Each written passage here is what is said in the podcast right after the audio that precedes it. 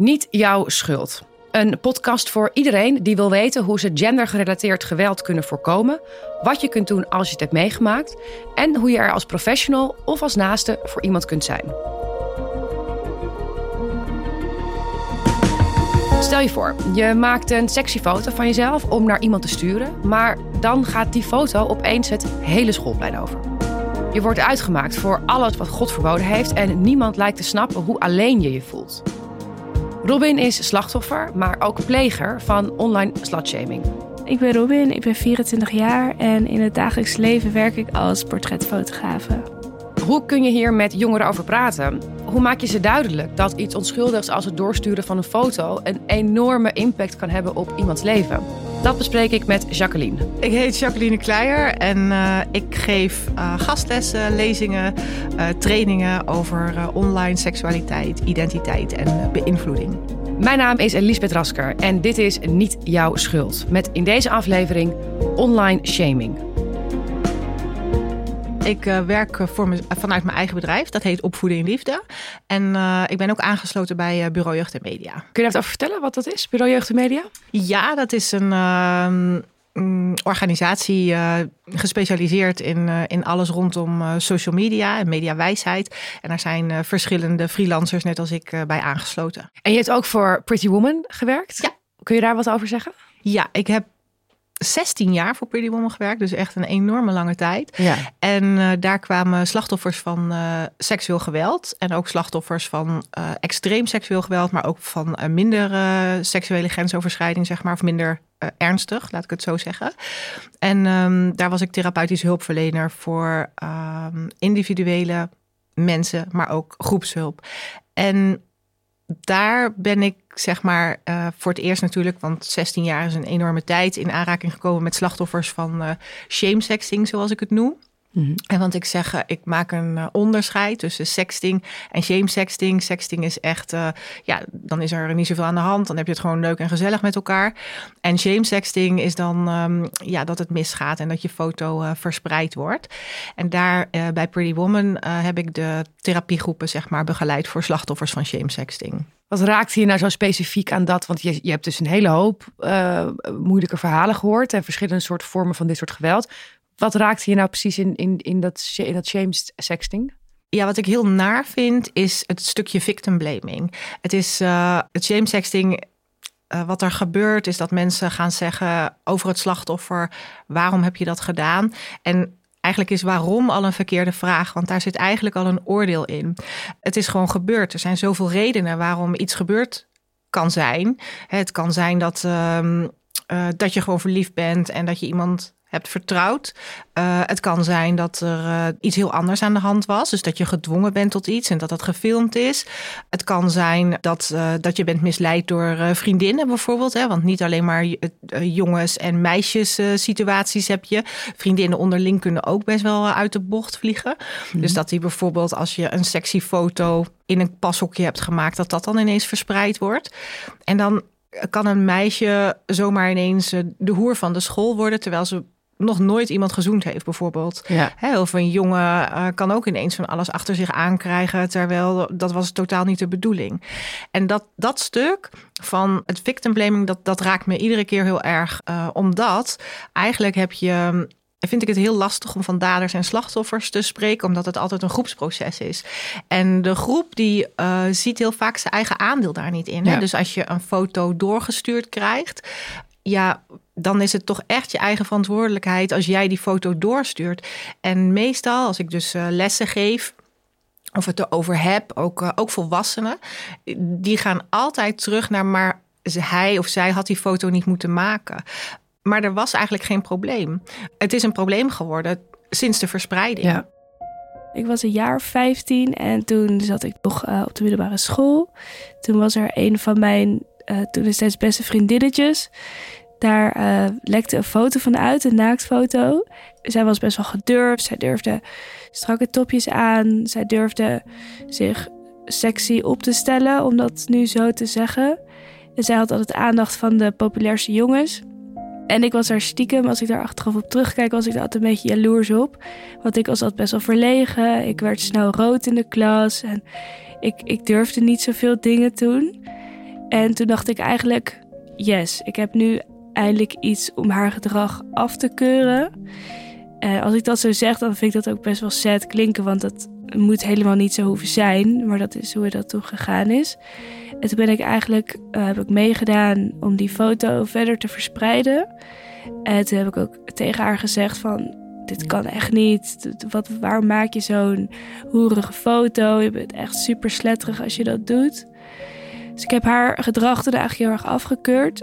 En toen ben ik mee gaan doen met de rest. Om haar gewoon belachelijk te maken in plaats van voor haar op te komen toen. Twee jaar later, toen was ik net van de middelbare school af. Toen zat ik op het mbo fotografie. Toen dook er een foto op uh, waarvan werd gezegd dat ik dat zou zijn. Dus toen waren de rollen in één keer gewoon uh, 180 graden omgedraaid. Toen kreeg ik eigenlijk een waterval aan berichten van mensen. En dat waren berichten zoals... Uh, lekker hoertje, zal ik je even komen neuken voor een euro? Um, vieze gore slet. Ik was toen onderweg van het mbo eigenlijk naar huis. En toen kwam ik eigenlijk alle mensen van mijn oude middelbare school tegen. En zij waren ook op het station aan het uitlachen. Ze waren naar me aan het roepen en aan het joelen. Toen ik thuis kwam, toen zong ik dat bericht in. En toen... Ik kon, ook alleen maar huilen toen. Ik was zo verdrietig. Ik kreeg ook bijvoorbeeld een heel betoog van een meisje... die bij mij op de middelbare school had gezeten. Die schreef mij een Facebook bericht. Dat ze niet begreep wat ik haar aandeed. Dat ik zo'n foto van mezelf uh, zou maken. En dat ik mezelf maar beter op kon hangen als je je zo presenteert. Een ander meisje is naar mijn moeder ook gegaan in de stad. En die ging tegen mijn moeder zeggen: Zo geil fotootje van je dochter hoor. Lekker hoertje is dat. Het is geen uh, onbekend verhaal en het raakt nog steeds. Iedere keer weer. Ik vind het echt uh, heel uh, heftig voor het slachtoffer om het te horen. En wat me ook opvalt aan, aan haar verhaal is dat één meisje reageert: Wat heb je mij aangedaan? denk ik, hoezo, wat heb, je, wat heb je haar aangedaan? En dat is denk ik ook wel als je dan. Terugkijkt naar wat Robin in het begin zelf deed. Er is zoveel onzekerheid bij jongeren over uh, hoe dat je je wel of niet kunt gedragen. Mm -hmm. En deze tijd is ook zo ingewikkeld. Aan de ene kant moet je eigenlijk heel decent zijn en heel uh, preuts. En aan de andere kant uh, is er dat hele erge, dat, dat sexiness en jezelf kunnen uiten en jezelf moeten kunnen zijn. En om daartussen te laveren is heel ingewikkeld. En ja. als je dan heel onzeker over jezelf bent. Wat, wat Robin zei zelf, hè, dat, ze, dat ze zelf uh, ja, daar een soort zekerheid uithaalde. Dat ze iemand anders af kon wijzen. En wat ze dan weer zelf terugkrijgt ja, dat is een soort van uh, gekke wisselwerking uh, wat er gebeurt. Ja, dat hier is echt dat stukje victim blaming uh, enorm. En ja. ook dan nog hè, op de moeder afstappen. Ja. En het, is, het is alsof, alsof iemand zich voelt dat hij iets over de ander mag zeggen of zo. Als iemand over de schreef gaat, of in, uh, in zijn of haar beleving dan, ja. dat je daarvan alles van mag vinden. Er is, er is ineens totaal geen respect meer. Uh, het is heel ik vind eerlijk gezegd het gedrag wat, wat, naar, uh, wat naar het slachtoffer gaat, heel grensoverschrijdend. Ook al op zichzelf, ja. Ja, ja, ontzettend. En je hebt in dit geval natuurlijk is dan Robin zowel pleger geweest als ja. slachtoffer. Is een wat een in haar hoofd, maar sowieso een bijzondere dynamiek oplevert. Zie, zie je dat? Heb je dat vaker gezien? Dat... Ja, bijna altijd. Bijna altijd zelfs. Nou ja, dat gebeurt. Het is, het is. Nou, het klinkt misschien een beetje raar wat ik zeg, maar uh, het is ook. Het is ook. Het hoort ook een klein beetje wel bij je ontwikkeling, bij je identiteitsontwikkeling, dat je, dat je positie moet bepalen. Zeg maar, wie ben ik, wat vind ik? En um, ook uh, als je bijvoorbeeld naar pesten kijkt, ja. uh, als je naar zo'n proces kijkt, ik denk dat iedereen wel eens iemand heeft gepest. En iedereen heeft wel, is wel eens gepest geweest. Iedereen is wel eens een meeloper geweest of een omstander. Weet je, alle rollen heb je wel een keer gehad. En de leukste rol is de rol van redder. He, dus uh, uh, als je die hebt durven nemen, dat is eigenlijk de fijnste rol. Maar uh, voordat je daar kunt zijn, moet je, moet je gewoon een aantal fases doorlopen. En wat voor type ben je? wat voor handvatten krijg je aangereikt op school? wat, wat voor school zit je? Wat is je culturele achtergrond? Dus je zit eigenlijk, het is, een, het is best wel een complex geheel, zeg maar. En um, dus dat je Dus dat je zelf gaat onderzoeken hoe zit dat nou eigenlijk met mijn uh, gedrag, met mijn uh, wie ik ben. Dan kan het zijn dat je zelf ook over de grens gaat. Doordat je dan iemand pest of afwijst of uh, shamed of blamet. Dat je je daardoor zekerder voelt. Dat is heel jammer als dat niet in goede banen geleid wordt, zeg maar. Dus als, uh, als je nog op de middelbare school zit, want dit gedrag is eigenlijk heel groot uh, op de middelbare school. Ja. Je ziet ook dat uh, op een gegeven moment hebben, als je, als je kijkt naar de onderzoeken, hè, bijvoorbeeld ook van Rutgers, van seks onder je 25ste, dan zie je dat als de doelgroep wat ouder wordt, dat, dat iedereen al een beetje geleerd heeft en dat je er anders mee omgaat. Hè, dus die piek die zit inderdaad, wat, wat dit meisje zei, Robin, van, die zit rond haar leeftijd. Ja. En precies daar zou je eigenlijk ja, zouden scholen zich al uh, heel goed op kunnen voorbereiden. Van dit gaat er aankomen. Uh, dit zit in, hun, uh, zit in, zit in hun ontwikkelingsfase. Hoe gaan we dit opvangen? Hoe gaan we dit begeleiden? Zie je een verschil in um, jongens en meisjes? Zijn het vooral jongens die dader zijn of pleger zijn en meisjes die slachtoffer zijn? Of is dat niet zo zwart-wit te zeggen? Dat vind ik een hele leuke vraag. Wat ik heel leuk vind, of heel knap vind en heel fijn vind van het uh, fragment van Robin net, is mm -hmm. dat zij uh, ook zelf uh, heel duidelijk is over haar rol. Ja. Zij is niet degene die een foto heeft gemaakt, maar ze is wel eengene die, die heeft geshamed en geblamed en het doorgestuurd heeft. En zij uh, categoriseert zichzelf ook echt als pleger. Ja. En ik denk dat dat ook zo is. Dus als je op die manier naar dit probleem kijkt. Ja, ik vind shamesexting ook echt een groepsding. Dus dan, zijn, uh, dan, dan zie je dat uh, als er in een klas meisjes en jongens zitten, dan, dan zul je ook zien dat ze allebei doorsturen. Ja, en ik vind het mooi hoe jij inderdaad een onderscheid maakt tussen sexting en shamesexting. Want ik heb het eigenlijk totdat jij dat nu zegt, altijd over sexting gehad. Terwijl mm -hmm. de handeling aan zich is natuurlijk inderdaad... Niks aan de hand. Is helemaal geen probleem mee. Dat is al, dat is al een mooi inzicht. En kun je iets meer vertellen over het, over het, over het fenomeen shame sexting? Waarom gebeurt dit? Dus het groepsbouwen wat je doet, maar die foto komt ergens vandaan. Mm -hmm. Wat, hoe, hoe, hoe gaat het als een olievlek? Want zo stel ik het me even voor dan door zo'n school. Je hebt eigenlijk nog een, uh, een categorie. Je hebt uh, sexting, ongewenste sexting en shame sexting. Dus ongewenste sexting is bijvoorbeeld dat... Uh, ik ben wel eens bij een situatie geroepen dat iemand stiekem een foto van iemand had gemaakt. Oh ja. En dat eigenlijk niet wilde. en shame sexting is als die dan ook echt viral gaat. Okay. en dat je daarop aangesproken wordt. Robin vertelde één voorbeeld hè, daarvan. Dat ze eigenlijk een beetje jaloers was en zoekende was. Dus dat is wel iets wat je vaker ziet. En dan kan je het een beetje onder meidenvenijnen uh, scharen, zeg maar. Maar wat je ook ziet is dat ja, dat zoeken qua identiteit heb je dan, uh, zou je heel erg kunnen hebben. En soms is het ook gewoon een explorerende fase. En dat klinkt dan ik wil het niet altijd problematiseren. En soms moet je het ook een beetje normaliseren. Het ligt een beetje aan de situatie, ja. zeg maar. Maar soms is het ook gewoon zo. Als je, als je aan vroeger denkt. Uh, als je in de puberteit zat. Dan moest je al giechelen bij het woord in-uit, weet je wel. Ja. En uh, um, ja, dat ja. is, die fase zit er ook gewoon bij heel veel jongens en meiden. Dus het kan ook gewoon per ongeluk onderzoekend zijn met een hele nare uitwerking. Je kan je ook voorstellen dat als je in een klas zit en je krijgt een naaktfoto doorgestuurd van iemand die je kent, dat je, dat je schrikt en dat je hem doorstuurt dat je het aan iemand wil laten zien, hè? dat je het wil delen. Dat je het eigenlijk niet zo heel erg over nadenkt of dat je juist denkt, wow, moet je nu eens kijken, um, uh, dat je denkt dat je iets hebt. Dus er zitten wel verschillende redenen achter. Dus de intentie zou kunnen in sommige situaties kunnen zijn dat dat niet echt een hele slechte intentie is. Ja. Meer dat je, dat je het gewoon dat je gewoon een puber bent. Maar de uitwerking kan heel heftig zijn. Maar het kan ook zijn dat je iemand moedwillig kwaad wil doen.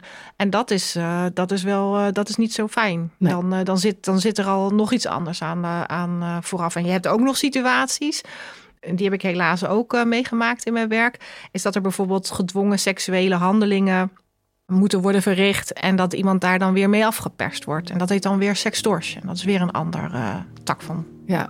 dit. Ik was 15 en daar denk je dan niet zo bewust over na. Maar als ik daarop terugkijk, dan was ik heel erg blij dat er geen negatieve aandacht op mij gericht was. Dus dan ga je gewoon heel erg meedoen met zo'n grote groep. En dan hoor je bij die grote groep. En dan, hè, dan blijf je onder die radar van negatieve aandacht. En ik wilde haar ook wel heel erg een lesje leren. Want er zijn toch bepaalde standaarden waar je denk ik iemand soort van automatisch in je hoofd mee meet. Wanneer is iemand, gedraagt iemand zich sletterig en wanneer niet. En daar ga je natuurlijk naar kijken naar kledingkeuzes, aandacht van jongens, hoe presenteert iemand zichzelf, verbaal en non-verbaal. En ik vond haar altijd nogal over dat randje gaan. Terwijl ik achteraf vond ik haar gedrag eigenlijk wel gewoon cool, want zij had gewoon scheid aan iedereen en zij ging er gewoon voor. Ja, dan wil je toch iemand een lesje leren op die leeftijd. Tot op de dag van vandaag denk ik wel, dat had ik gewoon echt niet hoeven doen. Ik had gewoon een heel andere rol gewild. Ik had gewoon heel graag voor haar op willen komen en het willen weten van dat het gewoon niet oké is om zoiets door te sturen. Ik had gewoon heel graag dat al eens een keer willen horen van, van een ouder of van school. Ik kan nog steeds wel eens pissig worden dat ik toen niet beter wist. Robin geeft duidelijk aan, zij wil de rol van redder eigenlijk zijn, hè, wat je net zei, maar was daar dus nog niet. Um, iedereen kan dus pleger zijn. Mm -hmm. ja. ja, dat zie jij ook gebeuren. Ja, en uh, wat uh, ik vind dat Robin het echt heel goed vertelt. Daar mag ze echt heel trots op zijn, hoe goed ze het analyseert. Echt uh, ontzettend knap. Ja. Heel waardevol ook, denk ik. Ik herken het heel erg. Ik herken als ik dan uh, bijvoorbeeld een gastles geef, dan werk ik er naartoe, zeg maar, dat het over, uh, over seksualiteit en, uh, en naaktfoto's gaat. En ik vraag dan wie heeft er wel eens een naaktfoto ontvangen? Nou, bijna iedereen. Ja, bijna iedereen? Ja, en dat hoeft dan niet per se iemand te zijn uit de klas. Het kan ook gewoon een onbekend iemand zijn van een andere school. En als ik dan vraag van dezelfde school, dat is vaak wel wat minder. Degene die dat wel gehad hebben, en als ik dan als we daar dan over doorgaan, dan is een van mijn eerste vragen van. Uh, weet je hoe het nu met diegene gaat? En uh, ja, dat weet ze dan eigenlijk niet. En dan uh, ja, wil ik heel erg het gesprek erover aangaan van... Uh, hè, er zit altijd een persoon achter de foto. En wat had je kunnen doen? En als ik dan heel simpel zeg van ja, je kan, je, je kan iemand uitschelden, maar je kan ook naar iemand eh, toe gaan en vragen van hoe gaat het met je? Wat kan ik voor je doen? Nou, dat is echt een eye-opener voor heel veel jongeren. Dat je ook gewoon een andere plek in kan nemen. In plaats van dat je iemand uitscheldt of dat je de foto doorstuurt of dat je niks zegt. Want dat is ook heel erg, hè? dat je niks zegt. Want als je bijvoorbeeld in een WhatsApp-groep als heel veel mensen niks zeggen, dan is het net of iedereen het goedkeurt. Ja. dus de zwijgende meerderheid is ook een ding. Je kunt gewoon een andere positie innemen. En op het moment dat ik dat vertel, dan zie je mensen ook echt, oh ja, oh ja, dat zou kunnen inderdaad. En hoe groot verschil dat al zou kunnen zijn in het leven van een ander, maar ook in van jezelf. Want zoals je Robin nu hoort, had zij eigenlijk zelf dan had zij nu anders op zichzelf teruggekeken. Ja. Kun je nog wat meer vertellen over inderdaad hoe jij die trainingen ingaat? Dus je zegt, ik wil ze laten inzien dat er een persoon achter zit. Ze kunnen een andere rol innemen. Wat zijn andere methodes die jij eh, toepast als je voor de klas staat? Het ligt een beetje aan de groep waar ik voor sta en de leeftijd. En uh, ik werk ook heel erg met de groep, wat, eh, wat, wat er op dat moment gebeurt. Mm -hmm. Uh, en het kan ook zijn dat, uh, uh, dat ik gebruik maak van een opstelling. Dat ik ze in een opstelling zet. Dat, dat ze voelen van, oh ja, als ik in een WhatsApp-groep sta en, en ik ben degene van wie de foto rondgaat. wat voor rol hebben de anderen dan? Dus dat je je heel erg bewust wordt. en van, van, ik maak gebruik van filmmateriaal en ja, ja, van wat, wat je tegen kunt komen online. En daar ik ga heel erg in gesprek. Uh, zonder oordeel eigenlijk. Ik vraag gewoon door. Op wat voor manier gaan die kids die zo'n les in en gaan ze er weer uit? Zie je dan echt al dat er iets is, is veranderd in hun hoofd? Of? Ja, vaak wel.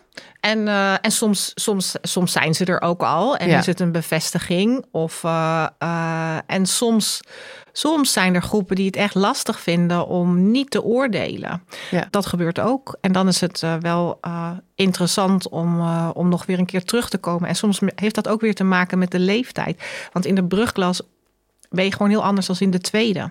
Weet je, in de brugklas uh, ben je nog vrij jong en in de tweede krijg je echt last van je hormonen en dan ga je anders reageren en dan uh, misschien zeg je in de brugklas, nou ik ga nooit, uh, ik ga nooit aan seks doen, hè? maar ja. in de tweede ga je er anders over nadenken. En als je dan zo'n klas voor je hebt die zegt die, die zich moeilijker dit kwartje laat, bij laat vallen, hoe, hoe kun je er dan toch je voet tussen de deur krijgen? Nou, soms moet je wat directiever zijn bij verschillende groepen. Ja. Uh, want soms is er een niveau, zeg maar, verschil hè, van uh, uh, waarmee je te maken krijgt. En soms kun je dan beter wat directiever lesgeven. Dit mag wel, dit mag niet. En je mag geen foto's doorsturen. Dus dat je dan wat directiever gaat als, als, als, als, als je merkt dat, dat het niveau dat vraagt. En dan, dan, dan, willen, dan, dan willen mensen gewoon duidelijkheid en helderheid. Merk je eigenlijk ook verschillen tussen, uh, tussen culturen, hoe er wordt omgegaan met slachtoffers van online shaming? Zeker. Ja, uh, ik kom zelf uit uh, Utrecht. Daar zit ook Pretty Woman en daar heb je de grootste Marokkaanse gemeenschap.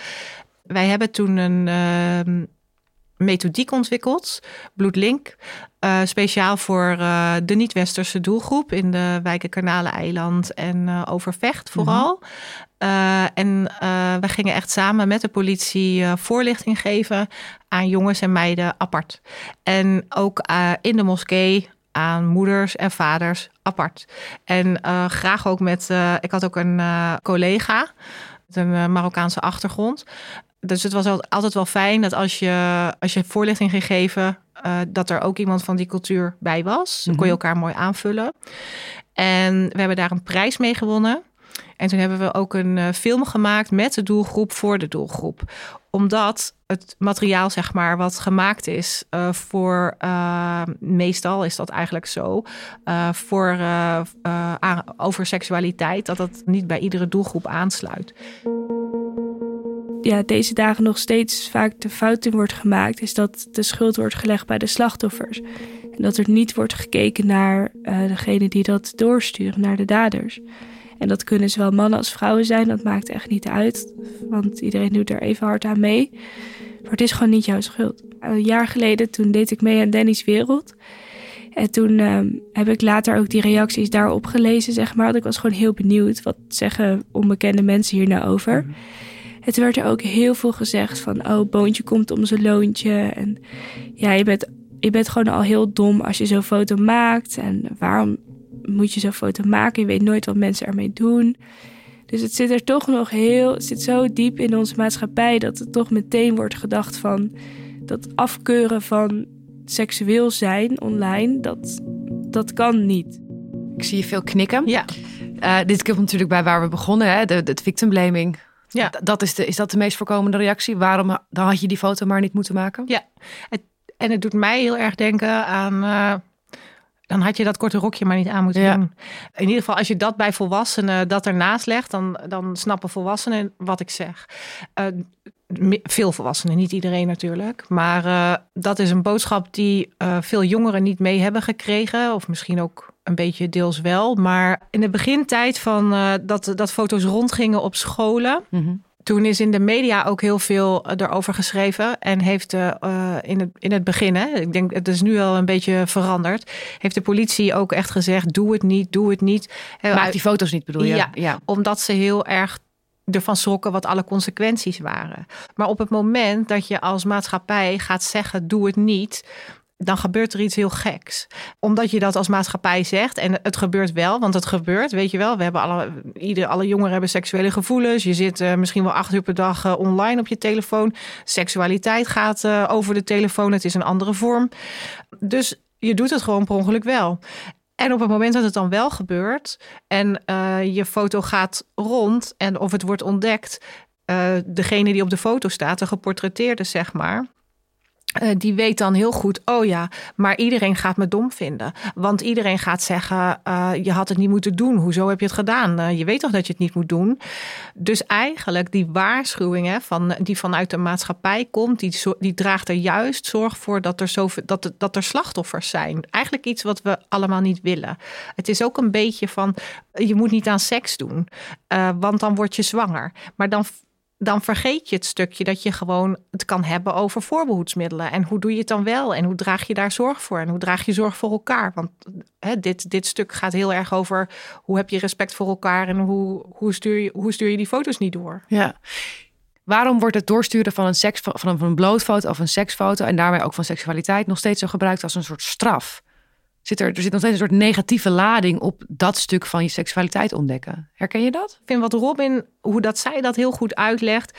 Ik wilde er zelf eigenlijk uh, sterker van worden. He, dus als ik het even samenvat van haar. Dus dat zij, zij, zij plaatste zichzelf boven de ander. Uh, door de ander de maat te nemen. Terwijl ze dat eigenlijk, als ze terugkijkt, dat ze eigenlijk diegene best wel stoer en tof vond. Dus het is niet zozeer een afkeur van andermans seksualiteit. Het is eerder een soort verlangen. En een strijd. Een, een, verlangen, een strijd, een ontdekken. En daarom, als je, als je dat helemaal terug uh, pakt, zeg maar, naar die, uh, naar die puberteit. En als je daar uh, een goede begeleiding in krijgt, van, dat je dat ook als groep aanpakt. En als, als je daar goede lessen van maakt, dat je dan in de gaten krijgt van, oh ja, iedereen heeft zijn eigen seksualiteit en je bent grenzen en wensen aan het ontdekken. Ja, dat is, dat is eigenlijk een ja, hele belangrijke periode om dat heel goed aan te pakken. Ik vind het, het, wordt strijd, inderdaad. Dat is het. Het is het continu aftasten zie je ook dat er een verschil is tussen uh, jongeren die uh, een andere geaardheid hebben dan zeg maar dan als je als jongens ontdekken dat ze misschien op jongens vallen, dat die sneller slachtoffer worden van online shaming of meisjes die op meisjes vallen. Is daar nog een onderscheid in of is dat eigenlijk over de gehele linie hetzelfde? Nou, ik denk dat uh, mensen die kwetsbaar zijn in real life, zeg maar, dat die mm. online ook kwetsbaarder zijn. Wat Robin bijvoorbeeld zegt, van ik was zelf best wel uh, teruggetrokken, zei ze. En uh, als je je niet gezien voelt of als je je eenzaam bent of dat je thuis iets aan de hand is. En op het moment dat je wel aandacht krijgt of zo, zou het kunnen zijn dat je bijvoorbeeld eerder foto's van jezelf gaat sturen naar iemand die niet te vertrouwen is, waardoor je slachtoffer wordt. Dus dat zijn wel dingen die we zien. En wat we ook zien, wat je bijvoorbeeld uh, ziet uit een onderzoek van. Uh, van Help Wanted en van uh, Rutgers ook. Dat, je, dat slachtoffers van sextortion vaak jonge homo's zijn die, die misleid worden. Omdat ze op zoek zijn naar liefde en hun seksualiteit aan het ontdekken zijn. Dus ook hier, als de voorlichting en de preventie helderder en duidelijker is. Waar kun je terecht uh, bij vragen over je seksualiteit? Dan zou het kunnen zijn uh, dat je minder snel uh, slachtoffer wordt. Ja. Ik dacht, waarom ik? Want blijkbaar heeft iemand die foto dan gevonden en wilde iemand mij wel even een lesje leren. Of die dacht, ik zal eens even een leuke roddel over Robin verspreiden. En ik was zo, gewoon zo verdrietig. Want ik dacht, nu denkt iedereen mij naakt gezien te hebben. En iedereen vindt mij nu vies. Voelt je ook heel erg eenzaam. Ik kon ook niet echt praten met iemand over die gevoelens die ik had. Mensen die vonden het dan wel vervelend voor mijn vriendinnen, maar ze wisten niet echt hoe ik me voelde. Als er keer op keer tegen je wordt gezegd: je bent zo slet, je bent zo, je bent echt een vieze hoer, je wil vast wel geneukt worden voor 1 euro. Dat is echt heel heftig als mensen dat tegen je blijven zeggen. En misschien zelfs vooral onbekende mensen, want dan ja, dat, dat, ja, dat komt zo hard aan. Als mensen dat maar blijven herhalen, op een gegeven moment ga je dat dan gewoon geloven. Als 200 mensen dat tegen je zeggen, dan zal er toch wel een kern van waarheid in zitten, denk je dan. Hier is er duidelijk heel veel sprake van victim blaming. Ja. En zij gaat het uh, op zichzelf betrekken. Zij gaat echt denken dat ze, dat ze vies is en dat, uh, dat ze niet deugt. En dat dat is dan het proces wat we self-blaming noemen. dus op het moment dat je dat anderen allemaal dingen over je gaan, gaan uh, zeggen, dan ga je dat echt internaliseren en dan ga je anders naar jezelf kijken. En mhm. dat is echt op die leeftijd, ja, vind ik heel heftig. Want dan zit je midden in je identiteitsontwikkeling. Ja. En daarin is het juist uh, de bedoeling dat je een positief zelfbeeld krijgt. En door al die negatieve negativiteit die je over je heen krijgt en die hele negatieve lading, uh, gebeurt er iets met, met je zelfbeeld en met je zelfbewustzijn. En nu nog erger, op het moment dat dat dus aan de hand is, hè, dat, uh, uh, dat je dit allemaal over je heen krijgt, kan je dus eerder slachtoffer worden van nog een keer dat er iets verkeerd of misgaat. En dat noem je dan weer revictimisatie omdat je denkt dat je dat dan wel zal verdienen? Of, of waarom zou dat nog Omdat je, nou, het is, uh, het is heel als je slachtofferschap zeg maar niet behandeld wordt, als je daar geen goed, uh, uh, goede hulp op krijgt, ja dan wat, wat Robin net zei, dan neem je dus uh, een identiteit van slachtoffer aan. En ah, als je uh, mensen voelen en zien naadloos wie er een slachtoffer is. Dus dan kan het zomaar gebeuren dat je dus weer slachtoffer wordt. Dat gebeurt best wel vaak. Dus het is echt best wel, als je als school zeg maar niet de verantwoordelijkheid neemt voor zulke processen, voor groepsprocessen, of um, zelfs als maatschappij, ja, dan ben je wel, ja, mag ik dat zo hard zeggen, medeschuldig, of in ieder geval medeverantwoordelijk, zeg maar, voor uh, hoe het welbevinden in ieder geval van je jeugd. En wat, wat kan een school doen? Nou, in ieder geval zorgen dat de preventie op orde is, de gesprekken aangaan en uh, zorg dragen voor het groepsproces. Want geen één rol als het onveilig is, is fijn. dus eh, wat Robin heel goed zegt, is dat toen zij dader was, dat was eigenlijk niet fijn als ze terugkijkt. Maar toen ze slachtoffer was, was ook niet fijn toen ze terugkeek. En ik kan me voorstellen dat de mensen die rondom uh, Robin uh, stonden, dat die er ook helemaal niet zo positief op terugkijken. Dat die zich ook wel schuldig voelen. Dus als je dat had kunnen tackelen, uh, dat hele groepsproces. En in goede banen had kunnen leiden. Dan uh, was er een redder geweest. En dan, uh, dan had je kunnen zeggen: Nou, jullie, er is iets gebeurd, maar je hebt ervan geleerd. En dan had je het positief af kunnen ronden. Ik was een poosje geleden op een school waar een meisje gepest werd via de WhatsApp-groep met, met heftige beelden en met woorden. En daar was het bewustzijn, zij zaten nog in de brugklas, heel lastig, mhm. omdat ze niet uh, in een bepaalde leeftijdsfase kun je je gewoon moeilijker verplaatsen in een ander. Als je wat ouder bent, uh, gaat dat vaak wat beter. En dan kan je met de school uh, overleggen. Nou, ja, hier, hier, hier past deze aanpak niet. Jullie moeten nu echt aan de slag met zo gedraag je je. Dit zijn de consequenties. En over twee jaar kun je dit pad ingaan. dus dan kijk ik samen met de school en met, met de klas. Waar, in welke fase zitten we? Ja, maar ik kan me ook, het lijkt me ook nog best lastig om het, om het speelveld duidelijk te hebben als het zich allemaal digitaal afspeelt. Dus je weet, je weet niet met, misschien meteen wie er allemaal wel of niet bij betrokken zijn. Is dat nog een moeilijkheid? Ja, dat kan je hoeft ook niet alles te weten om, uh, om les te kunnen geven. Uh, je bent ook geen politie, je bent geen rechter. Uh, dus je hoeft niet alles te weten. Maar je, hè, gewoon in gesprek gaan. Dit zijn de regels. Hoe gedraag je je? Wat kun je doen? En hoe, ben je, hoe draag je zorg voor elkaar? Als dat, als dat al duidelijk is, dan heb je al zoveel gewonnen. En je zei net, hè, victim blaming, maar ook self-blaming. Mhm. Hoe kun je self-blaming doorbreken? Wat kun je daar, wat, wat, wat zou jij daaraan doen? Nou ja, zoals we aan het begin zeiden, ik heb 16 jaar uh, therapeutische hulp verleend bij Pretty Woman. Ik denk dat dat heel belangrijk is, dat je hulp krijgt en uh, dat, je, uh, dat je positieve benadering krijgt en dat je je kunt uiten en dat je bijvoorbeeld in een lotgenotengroep zit, zodat je erachter komt, het ligt niet aan mij. Het is echt, ligt echt niet aan mij, dit is me overkomen. En dat je zo je eerste stappen weer krijgt naar een positief zelfbeeld. Ik wist überhaupt niet dat je er bijvoorbeeld aangifte van kan doen. Dat wist ik niet. Ik wist niet dat er zoiets als Help Wanted bestaat. Dan ook al mijn omliggende vrienden, vriendinnen, ouders, die wisten dat ook niet. Ik heb het wel mijn moeder één keer gehad van... Uh, zullen we hier dan aangifte van doen? Of kan die foto dan zeg maar verwijderd worden? Want dat wilde ik heel graag, dat die foto gewoon weg werd gehaald. Want ik heb later ook mijn achternaam veranderd. Een jaar nadat die foto, dat met die foto's gebeurd, heb ik mijn vaders achternaam weer online op social media gebruikt. Ik voelde me niet meer fijn met die naam. En ik denk eigenlijk dat dat heel erg kwam omdat die naam altijd werd um, geassocieerd met die foto. Ik, ik probeer me ook wel eens af te vragen van als ik die foto dus wel had gemaakt, hoe was het dan anders? Hoe had het anders voor mij uitgepakt? Want dan was het ook lastiger geweest om naar mijn moeder te gaan.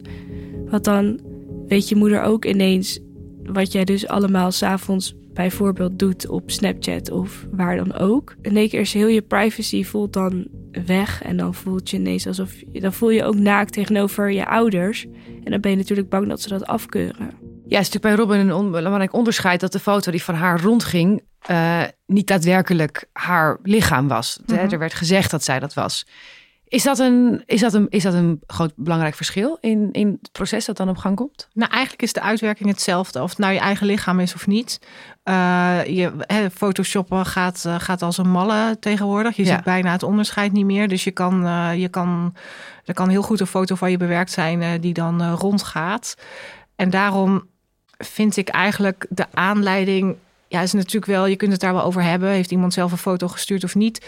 Maar juist de reactie erop en uh, wat er gebeurt, hoe mensen op je reageren, ja, dat is echt, uh, dat behoeft echt zoveel aandacht. Dat is zo bizar hoe dat soms gaat. Dus iemand, als je, als je dit echt op een rijtje zet, hè, iemand die heeft een foto, uh, heeft gezegd: dit is Robin. En zij moest zelfs haar naam veranderen. Ja. Hoe heftig is dat? Mm. En dan uh, nog krijgt ze de hele tijd, een aantal jaren later, krijgt ze nog uh, nare verwensingen naar haar hoofd. Uh, ja, dus het, ja, ik vind dat het heel. Ik vind dat dit proces heel erg gaat over de reactie van mensen op wat er gebeurt. En ondertussen moet er iets voor Robin geregeld worden. Moet het beleid op school helder zijn? Moeten ouders weten hoe dat ze Robin kunnen begeleiden? En moet duidelijk zijn waar zij hulp kan krijgen buiten school. Bijvoorbeeld kan je regelen met school dat als uh, Robin uitgescholden wordt op school, als zij naar school toe gaat, ja, dan kan je voorstellen dat je niet uh, in je eentje het schoolplein op wil lopen. En school zou kunnen regelen dat als er uh, casussen van zo'n orde aan de hand zijn, is dat je buddies uh, gaat aanwijzen. Je hoeft niet alleen door de school of uh, door uh, het, over het schoolplein te lopen. dat er twee altijd naast je lopen, zodat je je niet zo alleen voelt en dat die ook positieve feedback geven. Dus dit hele, zo'n situatie vind ik, hè, als er zoiets gebeurt op een school, moet je eigenlijk aangrijpen om te kijken hoe dragen we zorg voor leerlingen, hoe kunnen we juist zo'n situatie aanpakken om het positief te keren. Ik ben meteen naar mijn ouders gegaan en mijn moeder heeft toen mijn telefoon afgepakt voor een tijdje. En toen heeft zij eigenlijk een tijdje lang al die berichten gewist. Wat ik een hele goede zet van haar heb gevonden, want ik had dat ook zelf helemaal niet moeten lezen. En dat is opgehouden na een week. Of ja, dat, dat eerst wordt het natuurlijk een hele hoge piek en dan daalt dat zo'n beetje af. Maar steeds kwam dat dan wel weer een keertje terug. Ook offline kwam ik het op straat, gingen dan toch weer mensen naar me roepen of me aanspreken. Mijn ouders zijn daar destijds ook zo goed mee omgegaan. Zij zijn altijd met me blijven praten en ze hebben me altijd verteld: um, wij zijn super trots op jou en jij bent niet wat zij zeggen dat je bent. Je bent hartstikke mooi en je bent lief en je bent gewoon een goed mens. En uh, we gaan dit samen verslaan. Wat zijn andere dingen die scholen kunnen doen om een veilige plek te creëren waarin leerlingen als er dit gebeurt, hun, hun veilig voelen, maar ook waarin het vooral niet gebeurt. Hoe, wat, wat kun je nou doen als school om dit te voorkomen? nou, voor te zijn. Ja, je kunt het niet helemaal voorkomen, denk ik. Uh, want wat we net al zeiden, hè, van, uh, dus het is gewoon een, eh, een fase uh, bij jongeren waar ze in zitten, waarin de grensoverschrijding gebeurt. maar je moet als school wel heel goed weten hoe je, hoe je handelt en wat je regels zijn en waar je op terug kan vallen. Dus ik, allereerst moet je voor helderheid gaan zorgen en, en, en moet je op één lijn staan met al je docenten, je hele team. Hoe gaan we zorg dragen voor onze leerlingen? En helderheid is inderdaad zorgen hoe, hoe gaan we dat doen, maar ook wat is ons standpunt erin? Moet je als school expliciet dat uitdragen van we willen dit, dit soort dingen niet? Of kun je dat iets meer inkleuren? Uh, nou, wat je als school heel helder uit zou kunnen dragen, is uh, ik ben niet zo voor dit willen we niet. Ja, uh, Ik zou heel erg zeggen wat willen we wel. We hebben respect voor elkaar. Uh, we sturen geen foto's van elkaar door en hoeft het nog niet eens over naakt. Weet je, het gaat nog niet eens over naaktfoto's. Nee, precies. Want gewoon een foto in een klaslokaal gestuurd kan ook al heel intimiderend zijn natuurlijk. Dus je moet, je moet gewoon. Uh, het is, dit is zo'n groot onderwerp en de scholen moeten gewoon een hele. Die moeten gewoon aan de bak met hun reglement voor deze tijd kijk, zeven jaar geleden, toen kwamen ook die Blackberries, dat kwam net op. Dus toen was dat ook nog extra spannend om voor het eerst op Snapchat te zitten en om daar dan uh, stiekem met iemand die je leuk vindt mee te chatten en zo. Dat was toen allemaal nieuw. Dus ik denk ook wel dat, ik, dat wij toen wel snapten dat dat veel gebeurde, omdat het allemaal nieuw was of zo. Daar werd ook niet over gesproken vanuit onze ouders of leraren. Dat, omdat zij daar helemaal geen. Ze hadden daar niet echt weet van. Je moet echt in alles opletten met. Uh, het shamen en het blamen. Ook van, ja, het ligt aan de jongeren. Het is een andere tijd. En het gaat heel erg over naar jezelf kijken. Wat is je gedrag en hoe kun je anders op elkaar reageren? Maar is het belangrijk om, om de online leefwereld van jongeren te begrijpen? Zeker. Ja? Ja. Wat voor opvoeders denk ik belangrijk is, is dat je, ja, dat je, het, er over, dat je er überhaupt over hebt. Dat je, dat je vraagt van. Uh, uh, vroeger vroeg je: wat heb je vandaag op school gedaan? Was het leuk op school? Dat is ook een beetje een suffe vraag, want dan zeg je ja en het is klaar. Dus wat vraag je nu? Je vraagt nu wat gerichter. Je vraagt, als je het over het online hebt, zeg je van, uh, goh, heb je nog leuke filmpjes gezien? En dus dan uh, zorg dat je in ieder geval het gesprek hebt over wat er online gebeurt. Of heb je nog gelachen? Of uh, goh, ik heb dit. dat je ook eens, dat je, dat je ook kijkt. Of, maar dat je in ieder geval het gesprek erover hebt, zodat je een basis hebt waar je over kan praten. Dit was Niet Jouw Schuld, een podcast van Act for Respect in samenwerking met Atria en Rutgers. Geproduceerd door Spraakmaker Media en gepresenteerd door mij, Liesbeth Rasker. Heb je dit zelf meegemaakt of wil je meer weten over online shaming? Check dan onze show notes.